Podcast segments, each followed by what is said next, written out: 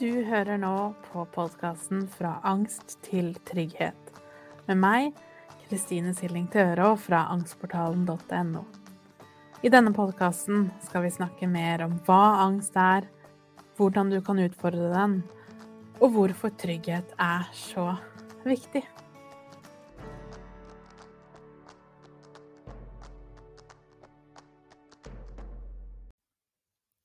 Hei og hjertelig velkommen til episode nummer tre.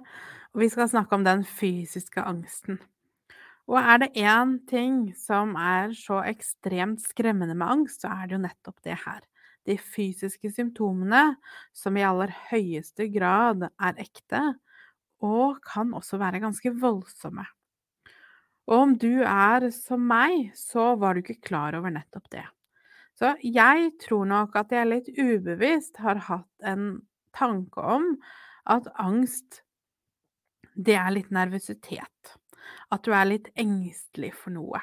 At du skal holde et foredrag på skolen og bli litt svett i hendene og litt skjelven i stemmen og litt nervøs. Og det er angst. Men så får vi angst selv, og så merker vi jo at det er jo en helt annen liga enn den nervøsiteten og hvor fysisk da angsten er. Og det er klart, når du aldri har lært nettopp det, og lært normale reaksjoner i kroppen på angst, så blir det også vanvittig skremmende. Og selv så fikk jeg ganske fort voldsom helseangst, fordi jeg hadde så mye og så skremmende symptomer. Og det hører jeg veldig ofte fra andre også. Så derfor så hadde jeg lyst nå til å snakke litt om det her. Så det med å få kunnskap om hva som faktisk skjer i kroppen, og hva som er sammenhengen, og ikke minst hva som er helt normale reaksjoner eller symptomer. For når vi vet hva som er normalt, så er det også mye lettere for oss å roe det ned. Det er mye lettere for oss å forstå det, og ikke minst ha omsorg for oss selv og kroppen vår. Så aller først så kan du se for deg at kroppen din består av en brems og en gass.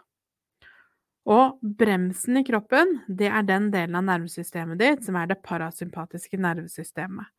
Så det er den delen av deg som er aktivert når du er avslappa.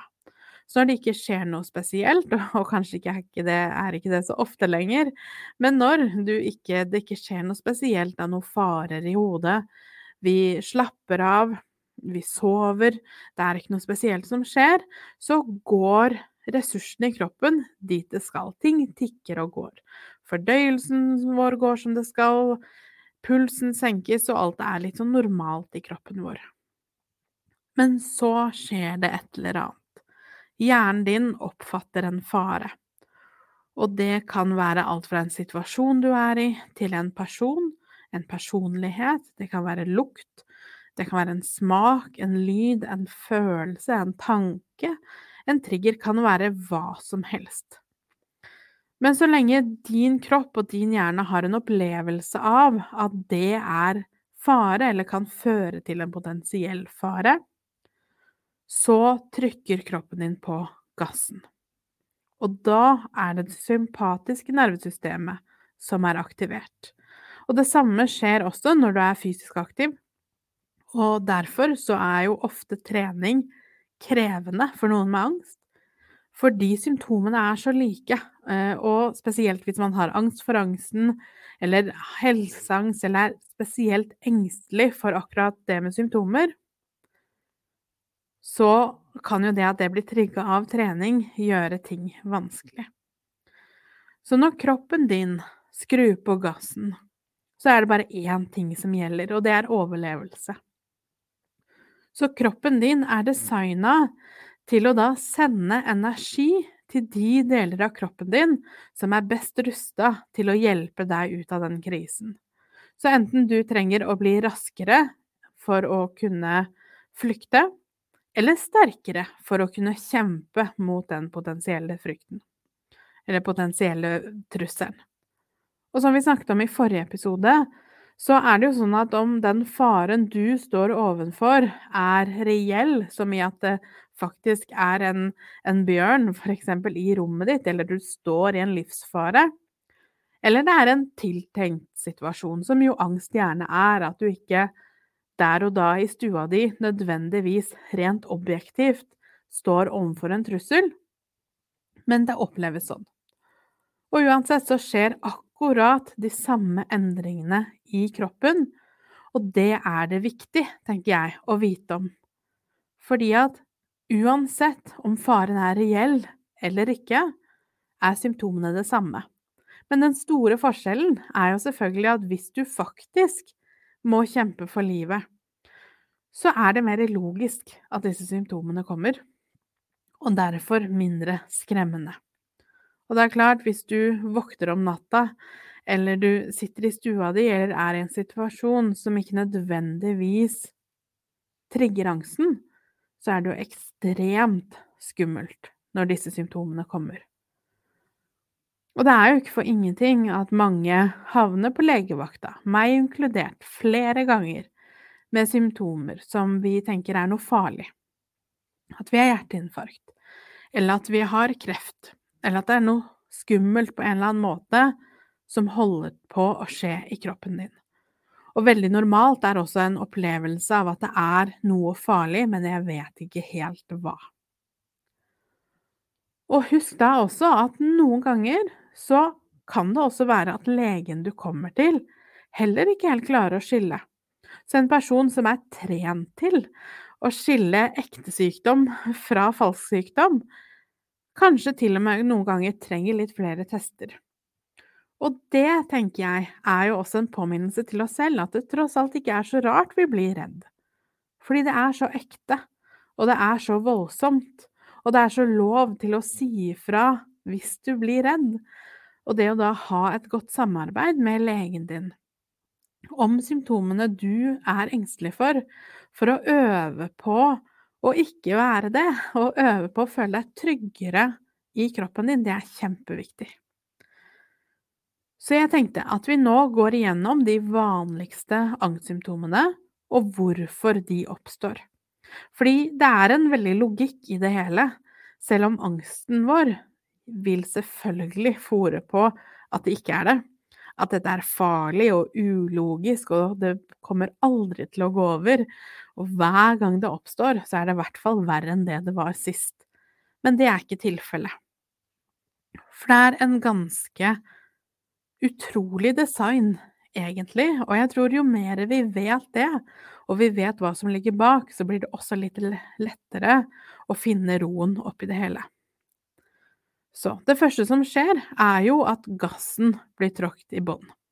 Så hjernen din opplever en eller annen fare. Og igjen, om den er falsk eller ikke, eller ekte, det spiller jo ingen rolle. Så noe av det første som skjer, og husk, alle symptomene skjer stort sett nesten samtidig. Det er sjelden at vi kan på en måte eh, kjenne at der kom det, og så kom det neste symptomet. Det skjer stort sett samtidig. Men det som da skjer, er at vi begynner å puste litt annerledes. Vi begynner å puste litt mer overfladisk, og vi begynner å hyperventilere. Og det er jo ikke alltid sånn det ser ut som, som det gjør på film, at du må fram med papirposen, men det skjer en liten endring som gjør at oksygennivået i blodet ditt endres litt. Og det gjør at du kan føle deg litt svimmel, eller litt ør, eller kortpusta. Og husk at den endringen som skjer, den er helt ufarlig, og den retter seg veldig fort opp igjen med en gang du begynner å puste litt dypere. Men det er veldig ubehagelig, og for min del så føles det som en sånn opplevelse av nesten bomull i hodet. Det er sjelden jeg blir spesielt svimmel som at rommet går rundt, mange kjenner på det også. Men det er også like vanlig å kjenne på det som en slags diffus bomullsfølelse i hodet, som om du ikke helt klarer å fokusere blikket. Og det er kjempeubehagelig og skremmende når det skjer, men husk da, det er fordi du helt naturlig endrer pusten din, og det kommer til å rette seg opp idet vi begynner å puste med magen igjen. Og så, neste som skjer, eller det som ofte skjer med mange, er jo at nå tror jo hjernen din at du er i livsfare. Og da er det ganske hendig at hvis det er en bjørn som jakter på deg, så vet jeg hvor den bjørnen befinner seg, fordi jeg er årvåken, og blikket mitt fester seg til det som, hvor faren kommer fra. Så det som da skjer rent fysisk i kroppen, det er at sidesynet ditt blir mindre for å kunne ha fokus på farer, så du får tunnelsyn, og pupillene blir større for å få inn mer lys. Og symptomet du da kjenner på, det er slørete syn, prikker i synsfeltet, lyssensitivitet og noen ganger også uvirkelighetsfølelse. Og det kan oppleves som at du plutselig synes at omgivelsene dine ser litt annerledes ut. At det er litt større eller litt mindre enn hva det pleier. Og det blir litt da som hvis du ser for deg at du står i et helt, helt mørkt rom, og plutselig skrur du på masse lys, så vil det ta litt tid, og for noen litt lengre tid enn andre, på å vende synet ditt til det nye lyset. Og i den lille perioden så vil du ha litt slørete syn, og det kan være litt sånn dotter i synsfeltet, og det er litt ubehagelig å se. Det er litt det samme som skjer. Men fordi det kommer plutselig, og vi ikke har gjort noe konkret for å skape endringen, så blir det også naturlig nok veldig skremmende. En annen ting som skjer, er jo at binyrene dine begynner å produsere stresshormoner, adrenalin og kortisol. Ehm, så stresshormoner som eh, blir produsert i kroppen, og adrenalinet gjør jo at du får økt blodtilstrømning, hjertet begynner å slå litt fortere osv., og, så og du begynner å svette. Noen kaldsvetter, og noen kan oppleve varmetokter. Og veldig typisk er at du føler deg kald i hender og føtter, mens i hodet er du kanskje veldig varm.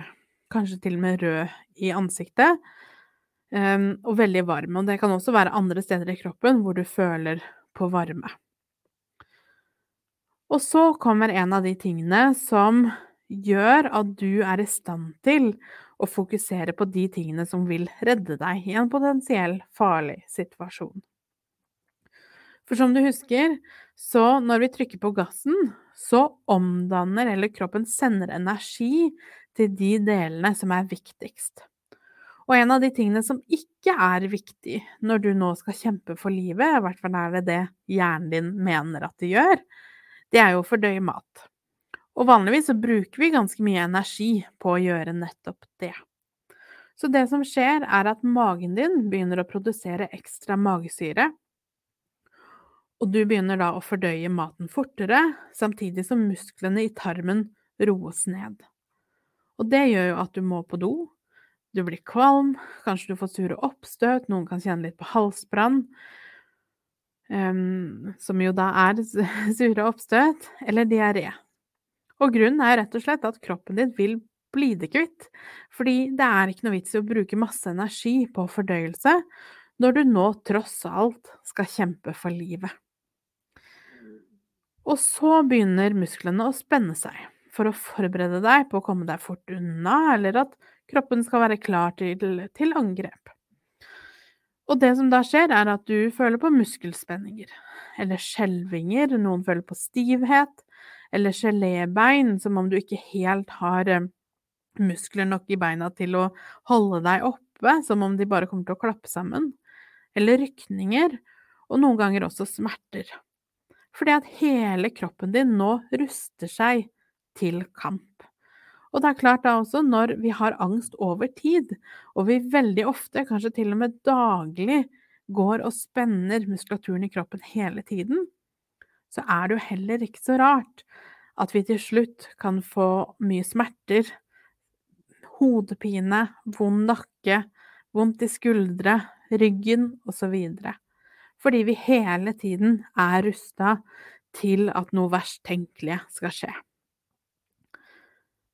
En annen litt eh, morsom ting som skjer, kanskje ikke sånn spesielt morsom, men i hvert fall litt finurlig ting som skjer, er at i denne da krisesituasjonen hvor du potensielt skal kjempe for livet, så begynner blodårene i huden din å trekke seg sammen, og spesielt så skjer det i armer og i bein. og det er jo for å da redusere potensielt blodtap. Så hvis noen angriper deg med en kniv, eller en bjørn kommer og angriper deg, så er jo det ganske hendig.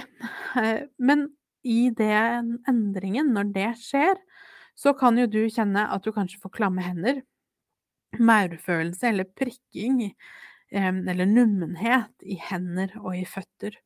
Og det er jo også derfor, som jeg sa litt, eh, litt i stad, at det er veldig typisk at man blir veldig kald på hender og føtter, mens man blir f.eks. varm i hodet. Og det er jo nettopp fordi at det er dette her som skjer. Så kroppen sender mest blod til de delene som du har mest behov for. Så som sagt, det du ikke har behov for, er jo fordøyelse. Um, det er bortkasta energi når vi skal kjempe for livet, og vi trenger heller ikke så mye blod ut i, ut i huden.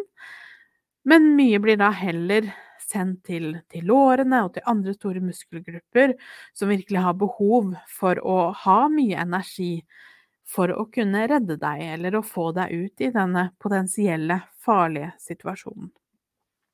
Så for å oppsummere helt vanlige og normale og ufarlige symptomer på angst, det er svimmelhet, ørhet, kort pust, slørete syn, prikker i synsfeltet, lyssensitivitet og uvirkelighetsfølelse, svetting og kaldsvetting eller varmetokter, kvalme, sure oppstøt eller diaré, muskelspenninger, skjelving, stivhet, gelében, rykninger og noen ganger også smerter. Klamme hender, maurfølelse av prikking eller nummenhet i hender og føtter. Og husk da, for det var kanskje litt ubehagelig å høre at jeg snakker om de fysiske symptomene, for det er for veldig mange triggende i seg selv så er dette helt ufarlige endringer som skjer i kroppen. Men det er også veldig, veldig normalt at du også blir engstelig. Fordi det er veldig ekte, og det er veldig plutselig, og det er veldig skremmende når det føles som at kroppen bare drar av gårde med deg, at du ikke har noe som helst du skulle ha sagt. Det er helt vanvittig skremmende.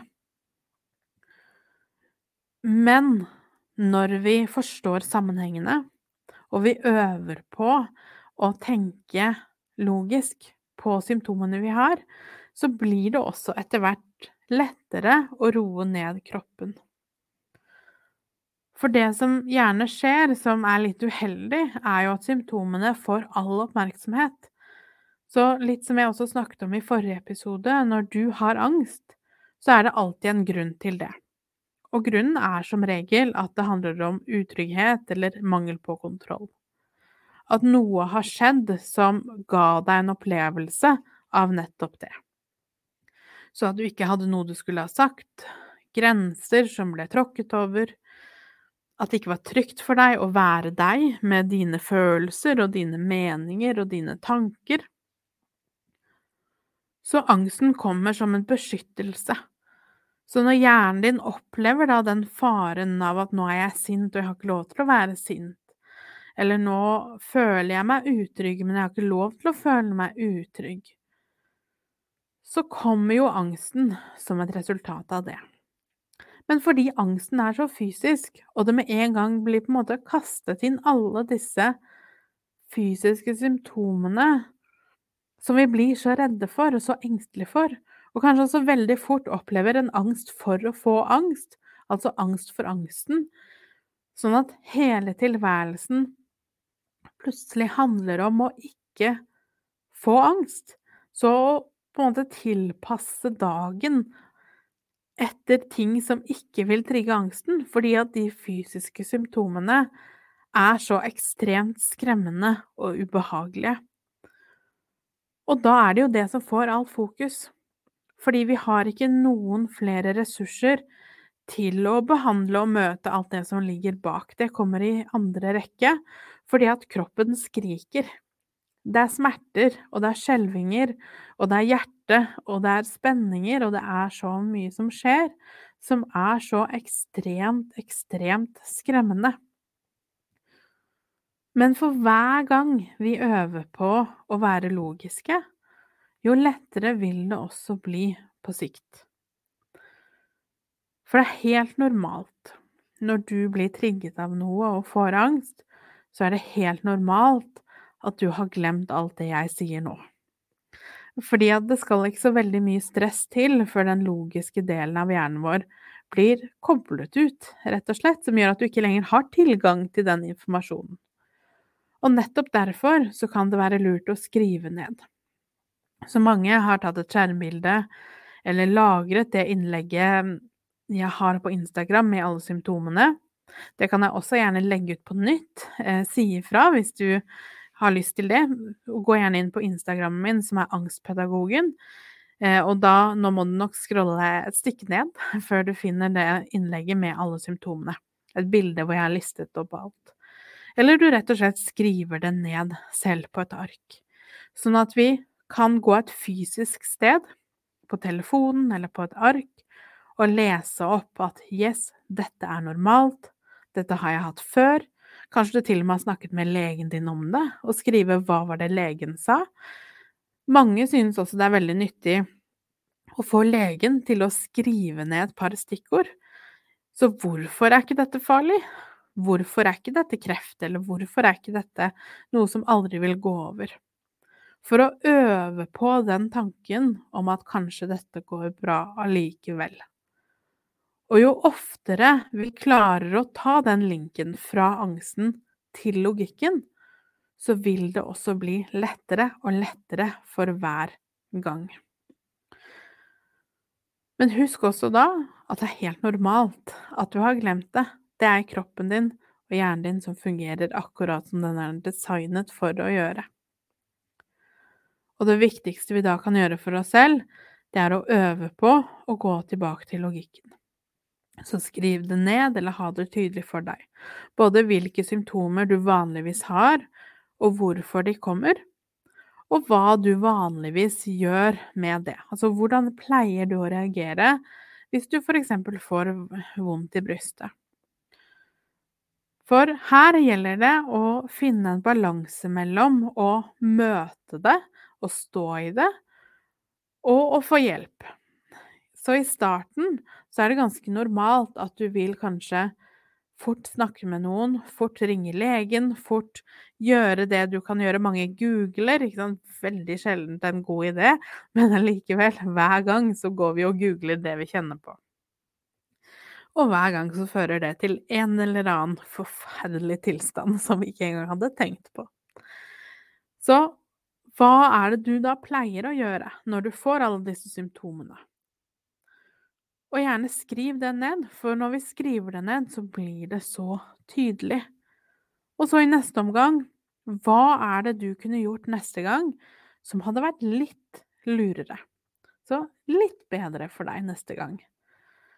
Hvor ofte skal vi kjenne etter eller spørre om hjelp eller sette ord på? Og hvor ofte trenger vi å føle på? Og egentlig er det jo det alle episodene her i denne podkasten er det egentlig det vi skal snakke litt om. Det med å finne balansen mellom å gå innover og gå utover. Men i starten, spesielt når det kommer til angst for angsten eller de fysiske symptomene, så handler det som regel oftere om at vi trenger hjelp til å føle trygghet, heller enn at vi skal tvinge oss i å stå i det. For det fører veldig sjelden med seg noe positivt hvis vi ikke selv klarer å finne tryggheten eller å, å finne bremsen i nervesystemet eller i kroppen vår.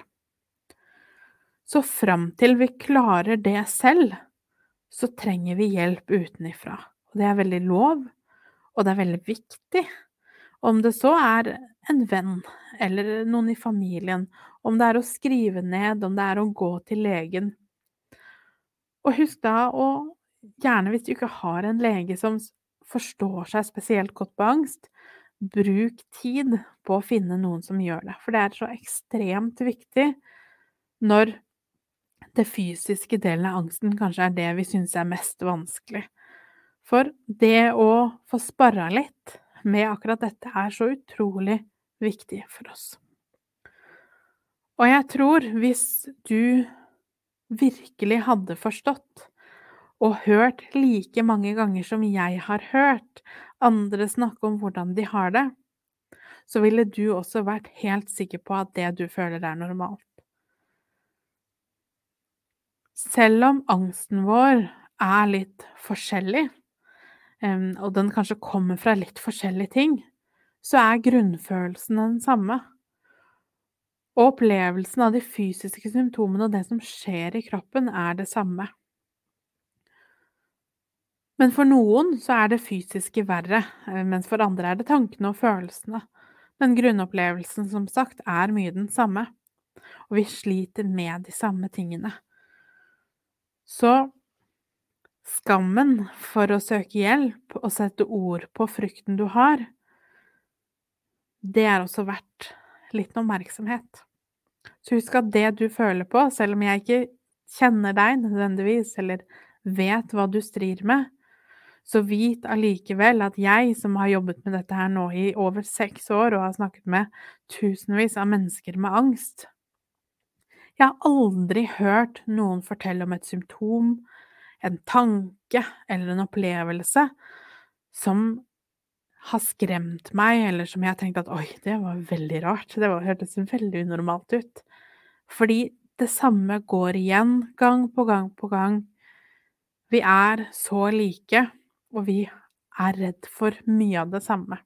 Selv om det på overflaten kanskje ser litt forskjellig ut, eller vi som bakgrunn har opplevd litt forskjellige ting.